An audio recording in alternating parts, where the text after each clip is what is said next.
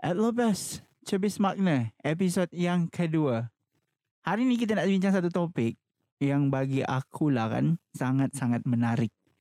Pernahkah kamu buat baik sampai kamu lupa untuk berbuat baik kepada diri kamu sendiri? Apa tu? Jom bersama dengan saya, episod 2.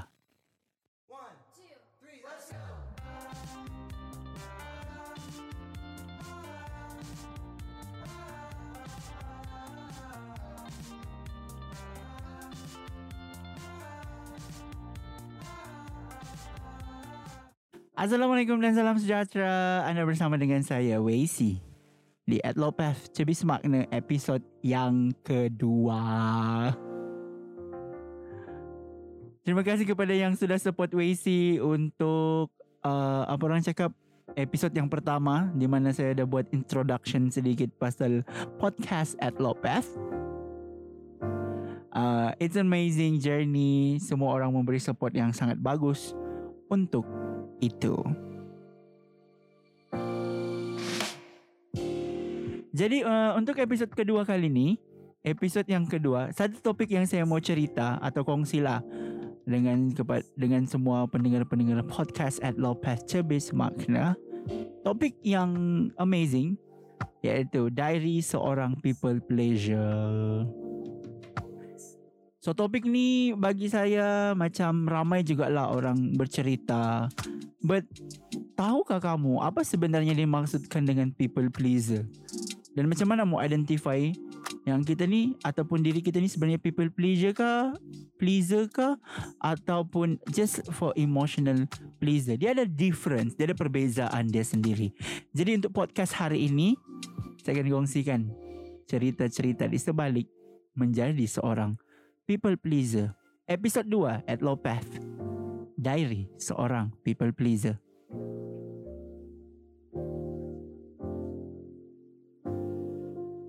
Tapi sebelum tu uh, pastikan kamu follow dulu at Lopath untuk dapatkan update-update terkini podcast-podcast yang uh, saya terbitkan setiap hari Jumaat secara officialnya saya akan terbitkan setiap hari Jumaat and then boleh juga follow Instagram at Base Magna untuk dapatkan ayat-ayat motivasi ke ataupun korang mau share-share story juga boleh tidak ada masalah di dalam Instagram tersebut teruskan support at Base Magna Okay, kita go to the topic hari ini. People pleaser. So sebenarnya apa yang dimaksudkan dengan people pleaser ni? Okay, kalau kita buat based on what I know and what I research before, people pleaser biasanya seorang yang dianggap baik dan baik oleh semua orang.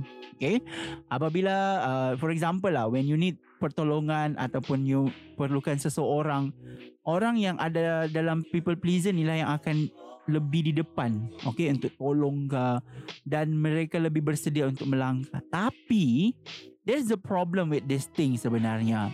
Okay? Being a people pleaser kita lagi memilih untuk menolong orang ataupun we try to fit with the society without thinking about the problem that we have or yang kita hadapi. Senang cakap kalau contoh lah kan orang minta tolong ini minta tolong itu kita susah mau cakap no kita susah mau cakap oh I cannot do that ataupun we are unable to fight what we should fight. Ah, uh, jadi dalam perbincangan hari ini kita akan tengok what kind of people pleaser ataupun adakah kita sebenarnya adalah seorang people pleaser. We gonna get to know about it later on in this podcast. That is very very interesting story. So sekiranya anda mengenali diri anda dalam keterangan di atas yang macam you sangat baik, you tolong orang, and then without thinking about yourself you selalu prioritizekan diri you.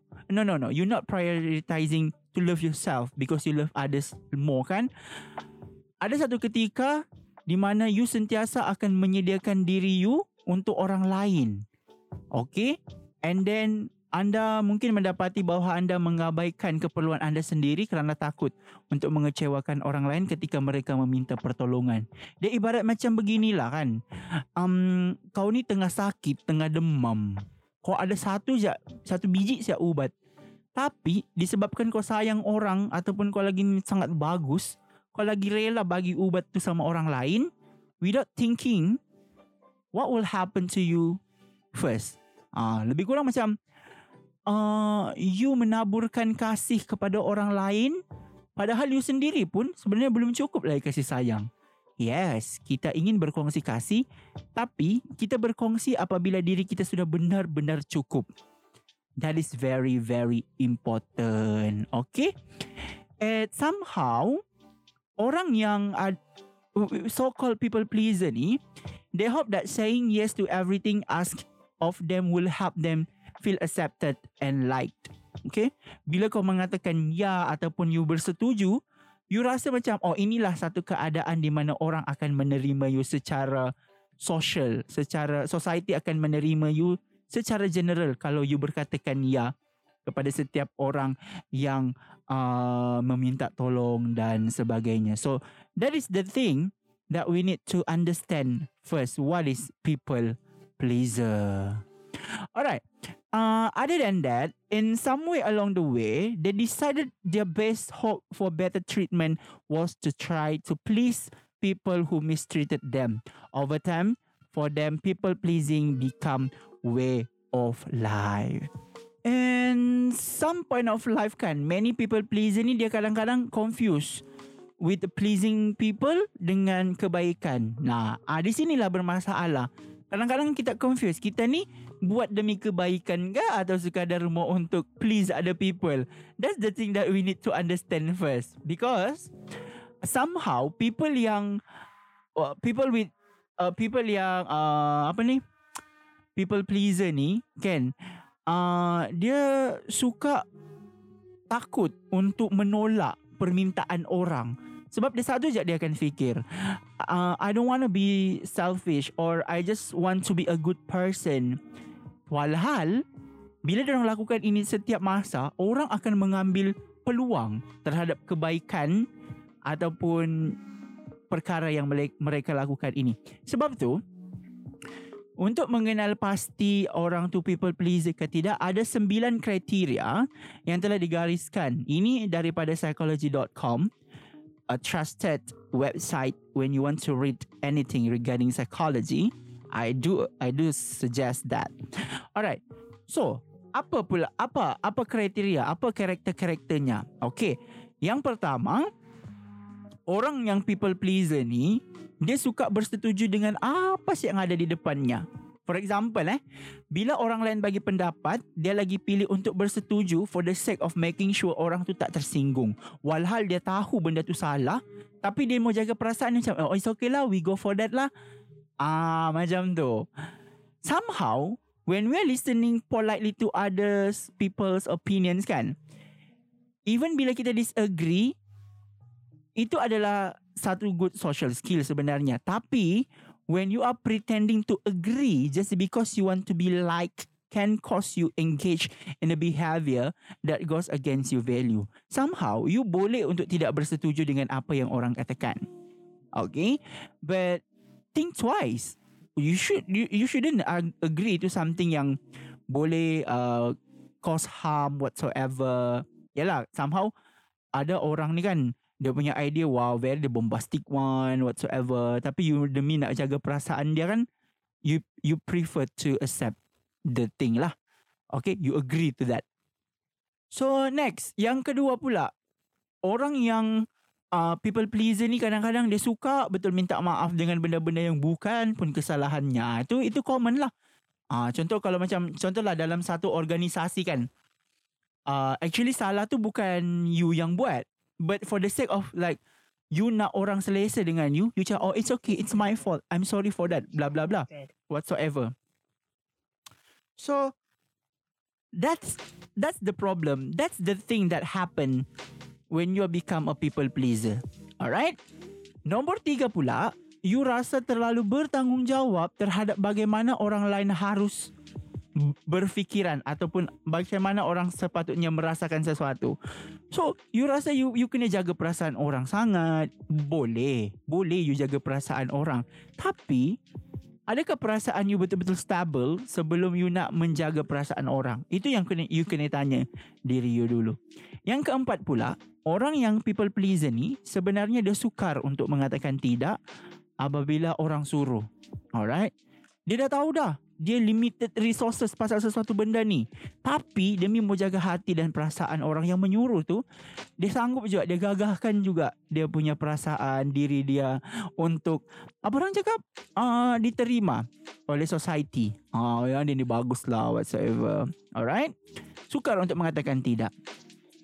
Yang kelima, bila you ada masalah, you rasa kurang selesa bila orang marah dekat you. Sebab you rasa macam, bila orang tu marah dekat you, you rasa macam, aduh aku buat salah apa sial. Ah, macam tu. That's that's why somehow, dia akan membawa kepada karakter yang keenam pula ya. Apabila you kurang rasa selesa untuk orang marah ni, you akan avoid conflict. Okay? Orang yang ada people, orang yang categorize diri dia sebagai people pleaser, dia try to not have a conflict with the society with the group of people. Sebab dia rasa macam conflict is something that gonna kill the kindness that they want to share. Ah itu yang paling apa orang cakap ketara lah. Alright karakter yang ketujuh pula uh, berusaha untuk berkelakuan sesuai dengan keperluan sosial. Ah ini juga satu masalah dalam uh, society zaman sekarang okey untuk kita diterima oleh masyarakat secara generalnya, kita berkelakuan ikut apa yang dah society, social tu dah buat. Walhal you tahu secara sosialnya perkara itu salah. Ah demi tapi demi you nak please ada people, you sanggup untuk ubah you punya value demi nak menjaga kebaikan, you nak nampak baik whatsoever. That's that's the thing lah. Alright. Yang ke-8 orang yang people pleaser ni dia memerlukan pujian untuk merasa baik. That's why he try he or she try the best so that people gonna give a good uh, compliment. Kalau orang komen sikit je select dia macam oh berfikirlah naiklah anxiety whatsoever that's that's the problem somehow jugalah people with uh, people pleaser ni kan alright dan yang terakhir adalah susah untuk mengakui kesakitan yang dirasakan. So basically secara ringkasnya people pleaser ni dia tak suka nak share benda-benda yang negatif to other people. Dia rasa macam ah I want you to feel happy so it's okay for me to like it's okay for me to say yes to everything. Walhal dia sedang dia juga ada masalah. Ah so secara conclusionnya what what what we can say about a people pleaser is People pleaser adalah seseorang yang dia tak kenal dia punya diri lagi. Dia tak tahu pun kasih sayang dalam diri dia dah cukup ke, dah dah memadai ke.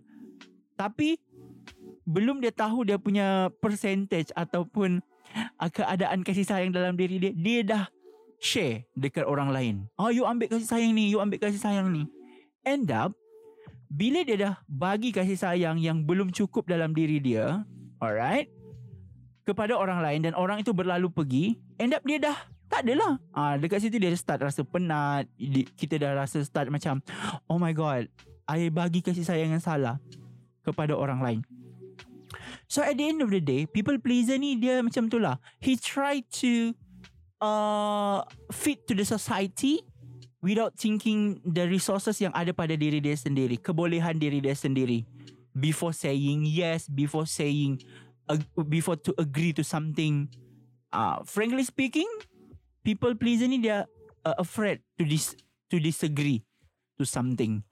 Uh, and then susah nak macam katakan tidak when people asking them to do something. Uh, itu adalah people pleaser. Tapi kita kena faham people pleaser dia berbeza dengan emotional pleaser tau. Alright People pleaser ni lebih kepada mendahulukan perasaan orang lain sehingga menidakkan keperluan untuk menjaga perasaan diri. Okay?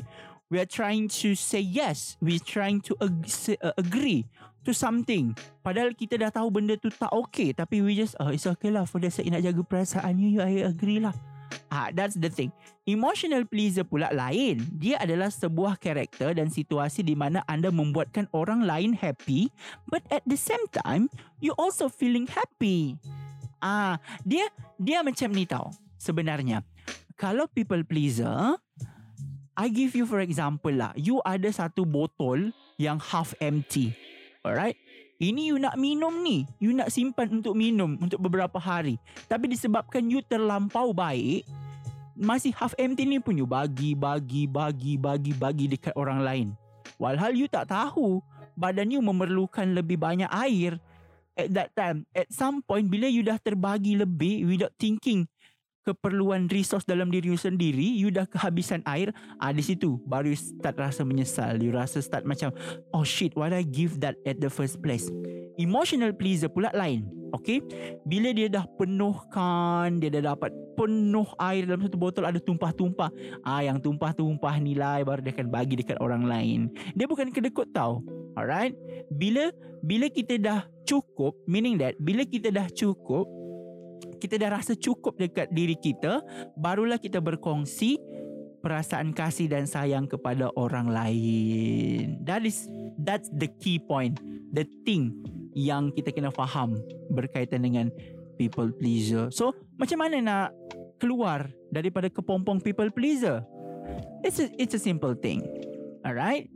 Memang betul sangat penting untuk impress others to say good thing about you, but you need to understand Before you share love to someone, make sure you have enough love in yourself.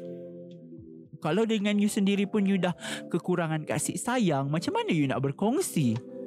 Ah, meaning that you need to know kasih sayang ada pada diri you ataupun perasaan terbaik yang ada dalam diri you cukup ataupun tidak untuk menampung segala-galanya. Alright?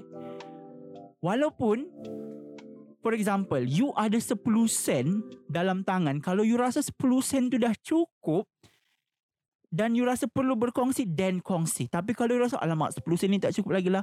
It's okay for you to say no. That is very important. Alright? Because you need to think yourself first. Somehow it's okay to be selfish for the sake of make sure yang you betul-betul stable. Baru you boleh bantu orang lain. Sebab tu, kita kena faham satu benda. You need to understand your limit before helping others. Sebab kita tak nak menolong orang yang akhirnya orang tu bahagia. Tapi di penghujungnya kita sendiri yang menderita. Ah, itu adalah satu perkara yang perlu untuk kita fahamkan terlebih dahulu. Jadi, persoalannya, adakah anda seorang people pleaser? Kalau ya, it's okay to change right now. It's okay to say no. It's okay to disagree. As long as at the end of the day, you are diverting yourself or you help others to see that there's a change. There's a chance to change sebenarnya. Alright? It's okay to disagree. It's okay to say no. For the sake of yourself, for the sake of your uh, stability. Alright? If you're not a people pleaser, ataupun you seorang yang selfish, it's okay, tak ada masalah. But one thing for sure, no matter what we do in life, kita kena sentiasa bersederhana. Beradalah di tengah-tengah. Alright? Tak lebih dan tak kurang. So yeah. I hope you enjoy with the topic today about people pleaser. I'm sorry if I have something that I cakap salah ke, the fact is wrong ke, I'm open to discuss about this thing. Sebab ini adalah pendapat satu one way uh, one way opinion sahaja. And if you have other opinion, you can uh, DM me at at Lopaf Chabismark punya Instagram where we can discuss this thing in the future. So overall, I just want to say thank you for joining me today. I hope everybody enjoyed the podcast. And yeah, see you soon in the next episode of podcast at Lopef Chabis Magna. Thank you.